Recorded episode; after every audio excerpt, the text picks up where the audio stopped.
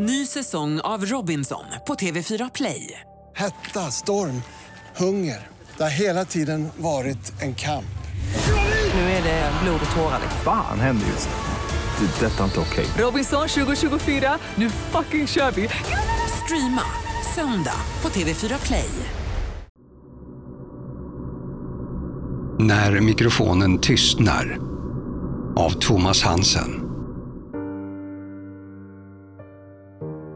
Kapitel 51 Torsdag 14 februari klockan 12.00 Den tekniska bevisningen i förundersökningen gällande mordet på Robin Eriksson hade fortfarande inte kommit så långt att den kunde avslöja vad som hänt eller varför, eftersom fallet inte var ett avsnitt av CSI.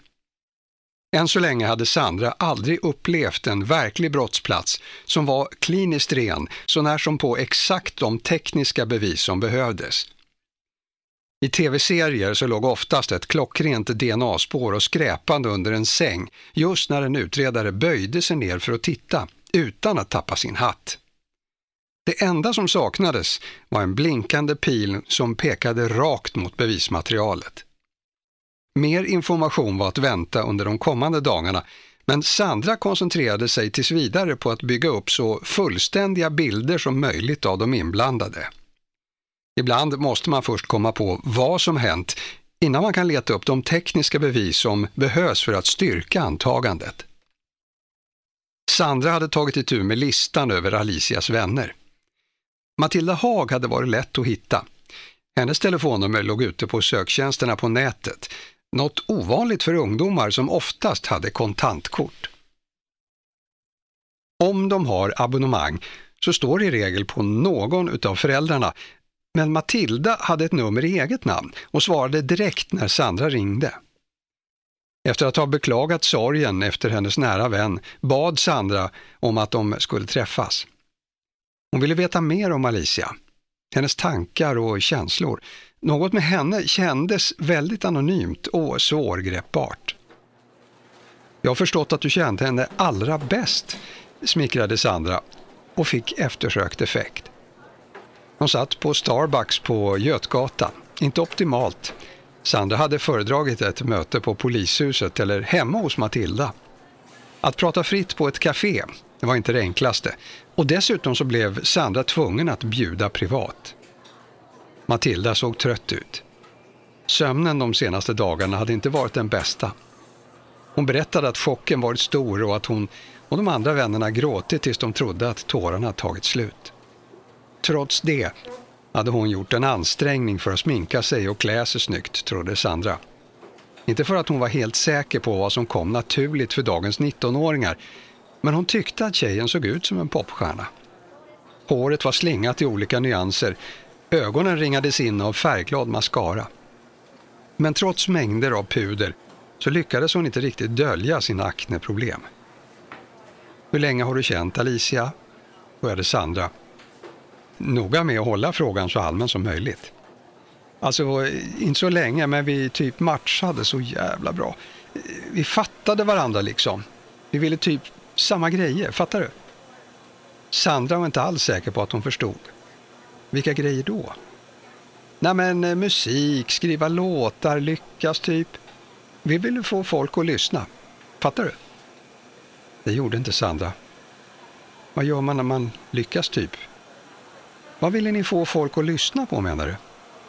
Det vi ville göra, musiken. Vars kanske inte riktigt samma grejer. Festivalen är väl inte min grej typ, men, men ändå lyckas, fattar du? Jag tror det.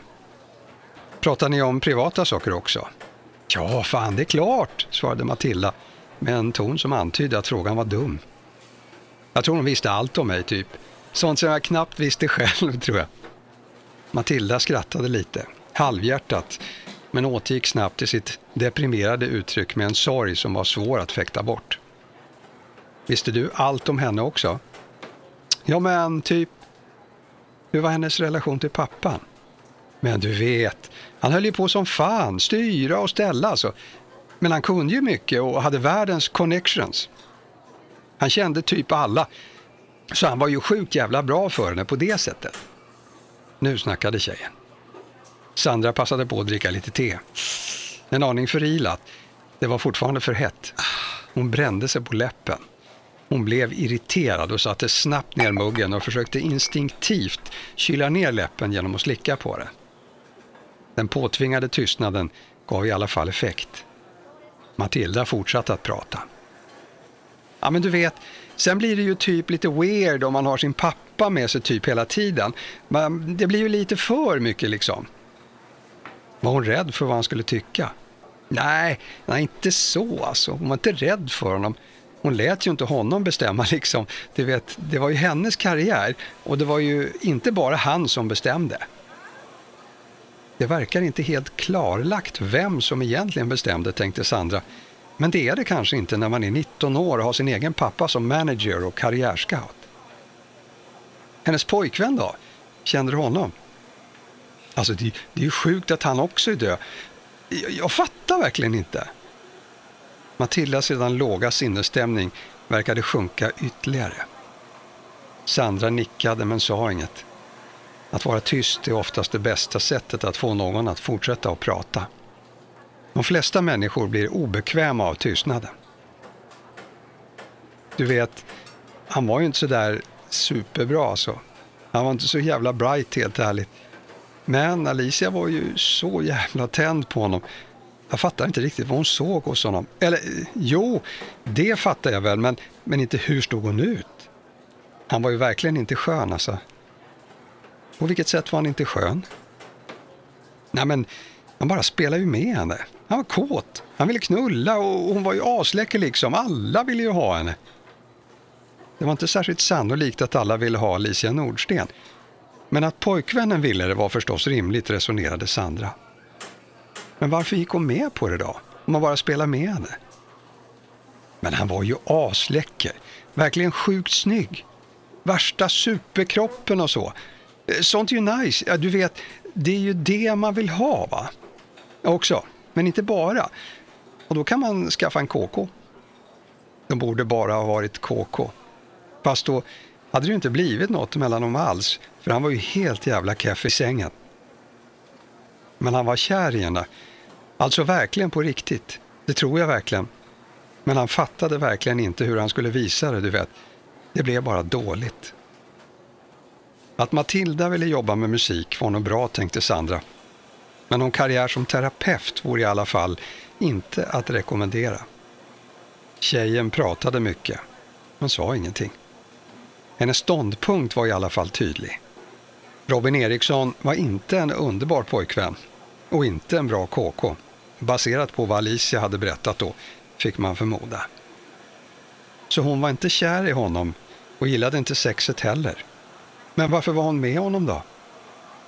Men eh, status typ. Hon gillade ju hans kropp. Hon ville att han skulle vara bra liksom. Alltså varför sitter jag och berättar det här? Är inte det lite sjukt? Det gör det för att jag frågar dig. Och jag lyssnar bra, tänkte Sandra. Hon vågade sig på att testa en slurk te igen. Och äntligen hade det fått drickbar temperatur. Jag är tacksam att du berättar om Alicia. Jag behöver verkligen förstå henne och alla runt omkring henne. Jag vill ta reda på vad det är som har hänt. Jo, visst. Vet du hur relationen var mellan Robin och Alicias mamma? Matilda såg ut som ett stort frågetecken. Vadå? De hade väl ingen relation? Ja, men jag, jag menar inte relation på det sättet, bara hur deras kontakt var. Ah, nej, det vet jag inte. Jag tror typ att de inte träffades. Alicia hängde ju alltid hemma hos Robin. Den kommentaren fick Sandra att tänka på en tidigare fundering. Det här med att hon hängde hemma hos Robin, det var ju inte världens fräschaste ställe där han bodde. Varför köpte hon det? Ja, jag vet typ inte var han bodde. Jag har inte varit där. För att Alicia inte ville visa upp den delen av sitt liv, eller? Hon tillbringade ju mycket tid där. Det var något här som väckte Sandras nyfikenhet utan att hon kunde sätta fingret på exakt vad det var hon ville försöka fiska upp. Matildas brownie var slut. Sandras te också. När de väl kunde dricka det så försvann det i några snabba slurkar.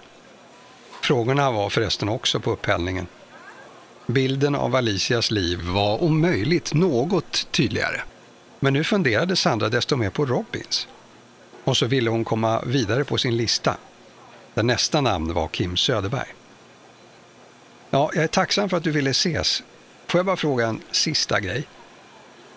Alicias tidigare kille, Kim Söderberg, känner du honom? Nej, typ inte alls. Jag har mest sett honom på bilder. Hennes pappa satte ju stopp för dem liksom.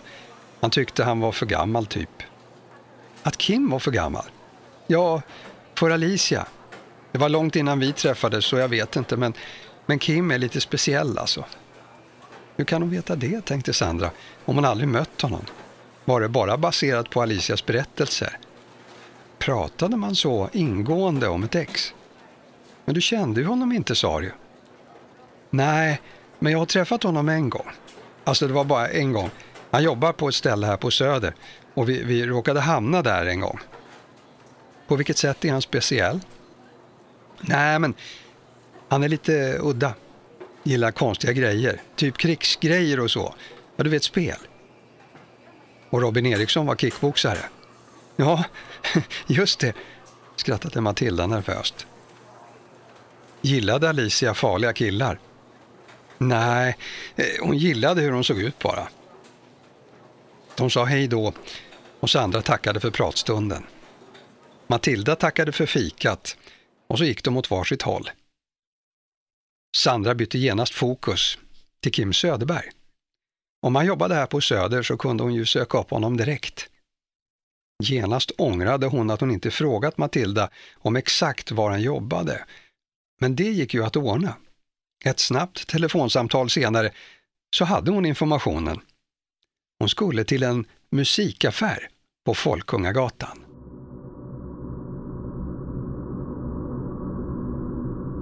Ny säsong av Robinson på TV4 Play.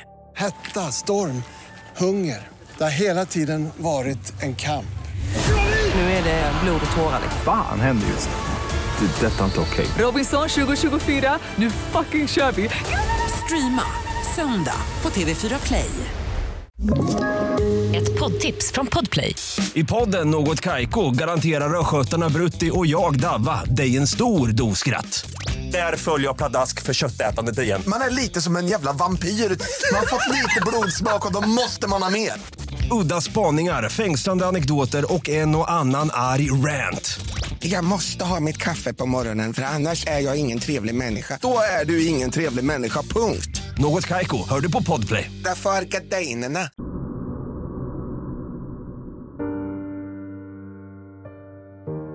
Kapitel 52 Torsdag den 14 februari klockan 12.55 Under Sandras korta promenad på Södermalm ringde Fransson med ny information. Sandra svarade med ett hej, men Fransson gick rakt på sak. Två saker. Första information om vad Karl Nordsten handlade vid sin shoppingrunda på macken i Gnesta. Jag gissar på bensin och mat att fylla kylen med, svarade Sandra. Nästan rätt, sa Fransson och började läsa upp listan. Han betalade för 57 liter bensin, två bratwurstmenyer, tre lim på rostbröd, ett paket smör och ett storpack Gorbis piroger och hur många flaskor mineralvatten som helst. Plus fyra tidningar, batterier av oklar sort och 3,7 hektar lösgodis. Slutligen så gjorde han ett kontantuttag på 500 kronor. Ja, ungefär som vi trodde då. Ja, det är spännande med mordutredningar, försökte Sandra skoja. Ja, faktiskt, höll Fransson med.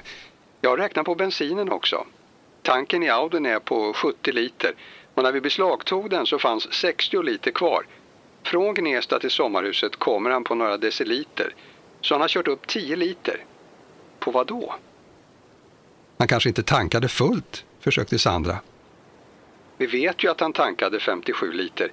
Skulle det bara ha varit tre liter kvar när han svängde in på macken? Nej, det verkar inte rimligt. Han måste ha varit ute och kört upp 10 liter, envisades Fransson. Han är verkligen sjukt noggrann, tänkte Sandra. Det här har han räknat ordentligt på. Förmodligen kollat på kartor för att se vart bilen kunde ha åkt också. Hon testade sin teori genom att fråga. Räcker det till Hässelby och tillbaka? Nej, det gör det inte. Om bilen inte är väldigt bensinsnål. Men det är ju en SUV. Jag ska kolla den exakta bensinförbrukningen. Om man ändå har använt 10 liter efter tankningen, var han då varit? funderade Sandra. Ja, säg det. Han kanske åkte ut med bilen för att få en paus från sina tankar en stund. Vem vet? Medan Sandra promenerade så anförtrodde sig Fransson åt internet för att få fram fakta om hur mycket den aktuella bilmodellen drog vid blandad körning. Sen tog han upp en karta och uppskattade sträckan som Karl Nordsten skulle kunnat åka från Gnesta tur och retur. Åkte han söderut så borde han ha kunnat nå Nyköping. Västerut låg metropolen Flen definitivt inom räckhåll. Norrut mot Stockholm så skulle han kunnat nå någon sydlig förort, Salem, Tumba, Tullinge, kanske Huddinge eller Kungens Kurva. Men absolut inte Hässelby. Inte ens om han tog den bensinsnåla genvägen via färjan mellan Slagsta och Ekerö. Vi får fråga om det här när han kan prata igen. Vad var det mer? Jo, då är det Fransson med ett stänk av triumf i rösten. Den andra saken är ett fingeravtryck som fanns på familjen Nordstens ringklocka och gav träff i belastningsregistret. Det tillhör Erik Holm, journalisten.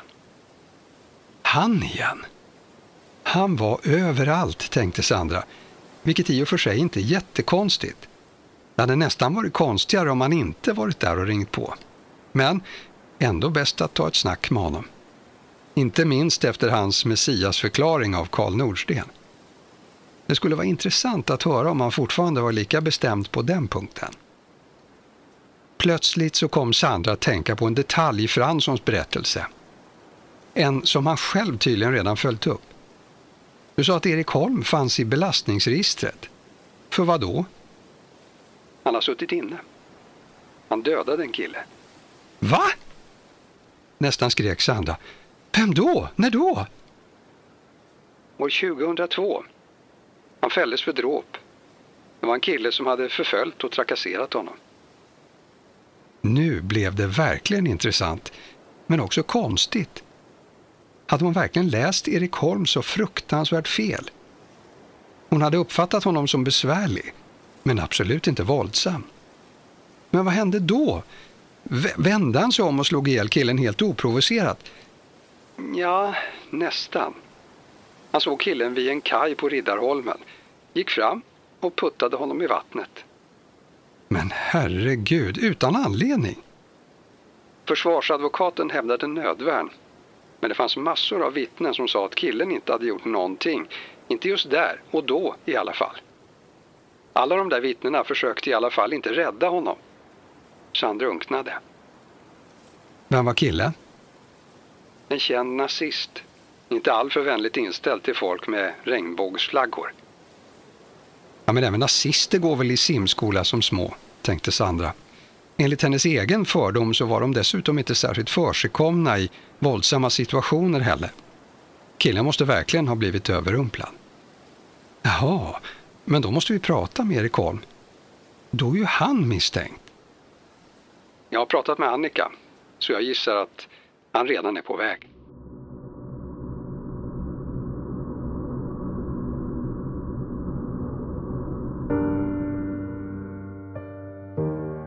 Kapitel 53 Torsdag den 14 februari klockan 13.00 Det var inte första gången som Erik Holm satt i ett förhörsrum i polishuset.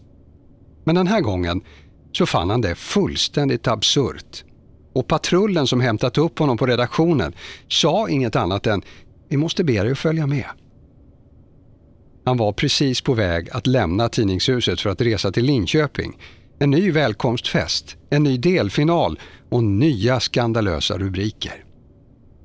Han hoppades att det stundande samtalet skulle ha någonting med Alicia Nordsten att göra så att han åtminstone fick något bra att skriva om. Hej Erik Holm, välkommen hit. Jag heter Joakim Udén och är utredare här på länskriminalen. Och det här är min kollega Sofia Matsdotter. Jaha, hej hej. Jag antar att jag inte behöver presentera mig eftersom jag sitter här. Nej, precis. Vi har några frågor till dig om familjen Nordsten och dina kontakter med dem. Okej, okay. men hade det inte varit så enkelt som några frågor så hade jag inte blivit hämtad i polisbil och suttit här i ett förhörsrum, eller hur? Joakim log ett snett leende som svar. Ja, låt oss börja så här. Vad har du för relation till Karl, Silvana och Alicia Nordsten? Erik suckade, himlade lite med ögonen och bestämde sig sen för att det var lika bra att berätta om Nordstenarna så gott han kunde. Karl och Alicia har jag skrivit mycket om. Jag har träffat dem flera gånger de senaste veckorna inför festivalen. Karl har jag förstås följt i många år, men jag känner honom inte personligen. Och inte Alicia heller. Och Silvana? Ja, henne träffade jag en enda gång, i måndags när jag åkte hem till dem. Jag hoppades att jag skulle få träffa Karl. När i måndags? Ja, det måste ha varit mitt på dagen, runt lunch. Jag vet inte exakt. Utredarna antecknade under tystnad. Du är förmodligen den sista som träffade henne i livet. Hur var ert möte? frågade Sofia. Ja, hon ville inte prata helt enkelt, så det var väldigt kort. Vad sa ni till varandra? Erik lutade huvudet lite medan han tänkte efter. Han sneglade mot en spegel och funderade på om det var ett sånt där fönster som såg ut som spegelglas från ena hållet men där någon satt och tjuvtittade på den andra sidan. Ja, jag minns inte ord för ord, men hon sa själv att hon inte ville vara med i någon intervju och att hon inte ville göra något uttalande. Och sen gick du? Ja, jag beklagade hennes sorg och sen gick jag. Vi har återfunnit ditt fingeravtryck på ringklockan. Ja, jag ringde ju på den såklart. Och ni kan ni berätta vad det här egentligen handlar om? Sofia svarade inte utan gick vidare till nästa fråga. Kan du ta reda på den exakta tidpunkten på något sätt? Ringde du något samtal i anslutning till att du var där eller skickade ett sms eller någonting annat? Nej, jag vet inte mer exakt än vad jag sa. Det här förhöret var rutin under omständigheterna, men ändå slöseri med tid, tänkte Joakim. Några andra svar än de givna hade de knappast kunnat förvänta sig. De här frågorna kunde lika gärna ha ställts på telefon. Det bästa de skulle kunna få var en så nära tidsangivelse som möjligt och dessutom så hade de ju kommit fram till att ingen hade ringt på dörren efter att Erik Holm varit där. Visserligen lutade det mesta åt att Silvana Nordsten avslutat sitt liv på egen hand, men om någon gjorde det åt henne så hade han antingen släppt in henne själv med nyckel eller blivit insläppt av sitt offer. I det senare fallet var det rimligen den sista som ringt på klockan. Utifrån det konstaterandet var Erik Holm deras mest sannolika potentiella mördare. Att han var tidigare straffad för våldsbrott förbättrade förstås inte hans situation. Men åklagaren skulle förmodligen inte vilja anhålla honom. Det fanns inte tillräckligt mycket att gå på. I synnerhet saknades ett motiv. Erik Holm hade dessutom en rimlig anledning att befinna sig på platsen även om man måste anse det graverande att hans besök sammanföll med den troliga tidpunkten för offrets död. Du var ensam när du ringde på. Ingen fotograf eller liknande som var med dig? Nej, bara jag. Och sen åkte du tillbaka till stan? Nej, inte direkt. Först hälsade jag på mina föräldrar som bor i närheten. Jaha, kan vi få deras kontaktuppgifter? Inte gärna. Erik suckade. Men ni hittar väl dem ändå. Vi har inte så bra kontakt. Kommer ni dit och frågar efter mig som misstänkt i en mordutredning så är det nog det sista gången de hör mitt namn utan att hålla för öronen. Förhöret fortsatte med att Erik uppmanades berätta var han befunnit sig vid en rad olika tidpunkter. Efter att dessutom ha lämnat namn, adress och telefonnummer till föräldrarna så var Erik fri att lämna polishuset.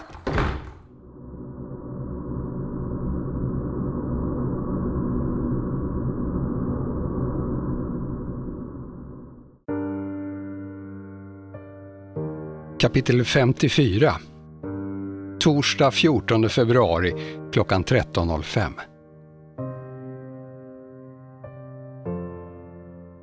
En kille med långt hår, skinnjacka och en ormtatuering som letade sig upp längs halsen satt i ett hörn och bjöd på ett trumsolo. När Sandra klev in i affären och tittade sig omkring slutade han att spela. Kontrasten blev enorm. Från öronbedövande oljud till märklig, nästan obekväm stillhet. Hela lokalen ändrade atmosfär. Dammet yrde i luften, partiklarna dansade i solstrålarna som letade sig in genom de smutsiga skyltfönstren.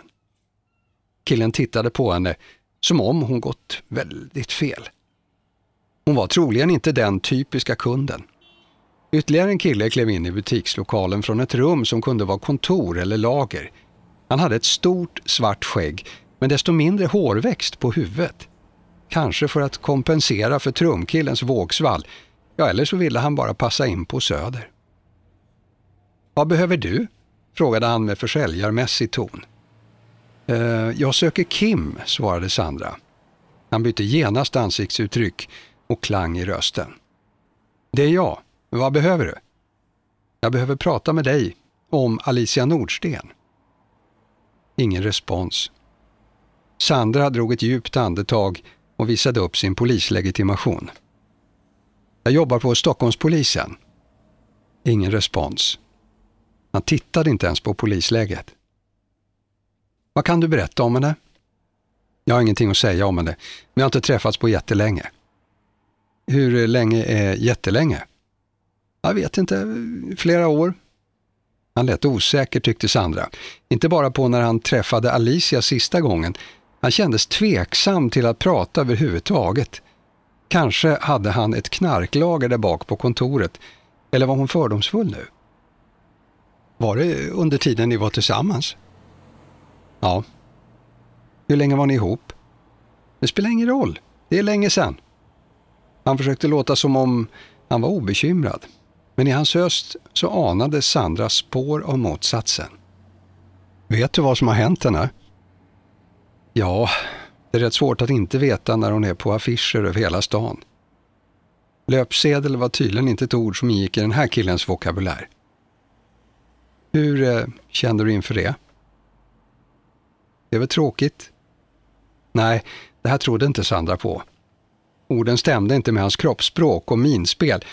Han tyckte inte att det var tråkigt. Han tyckte att det var rakt igenom fruktansvärt. Men varför ville han inte säga det? Försökte han spela tuff?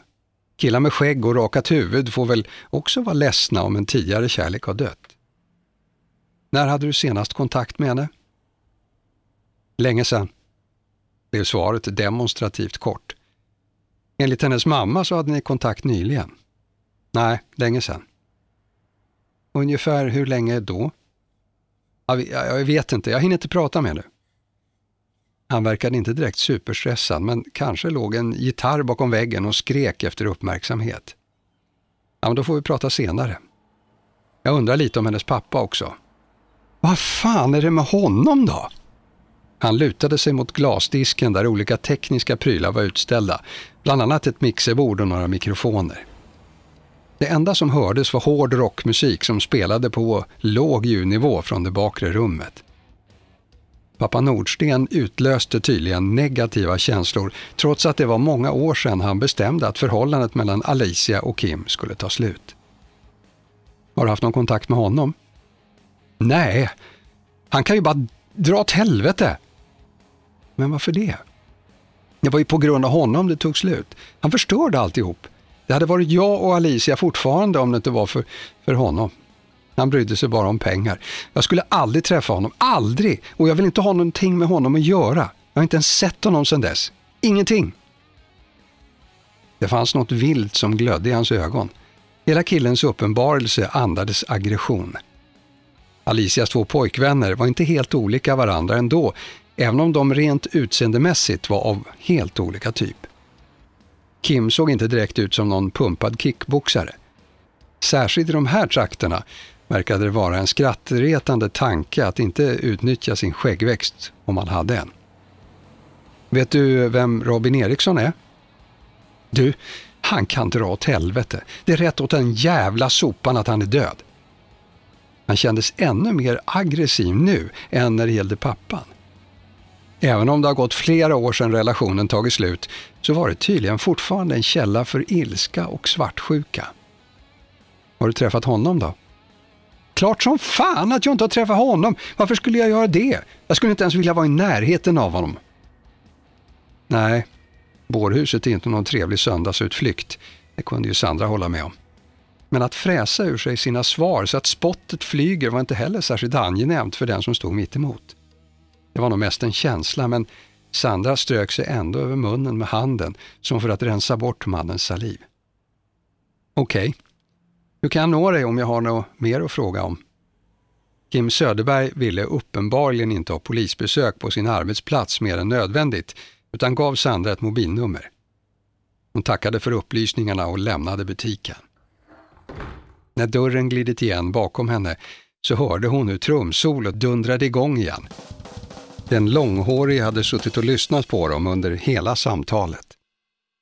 Sandra kom på sig själv med ytterligare en fördomsfull tanke om att hårdrockare var våldshyllande människor. Var det en självvald image? Eller vad berodde hans aggression på?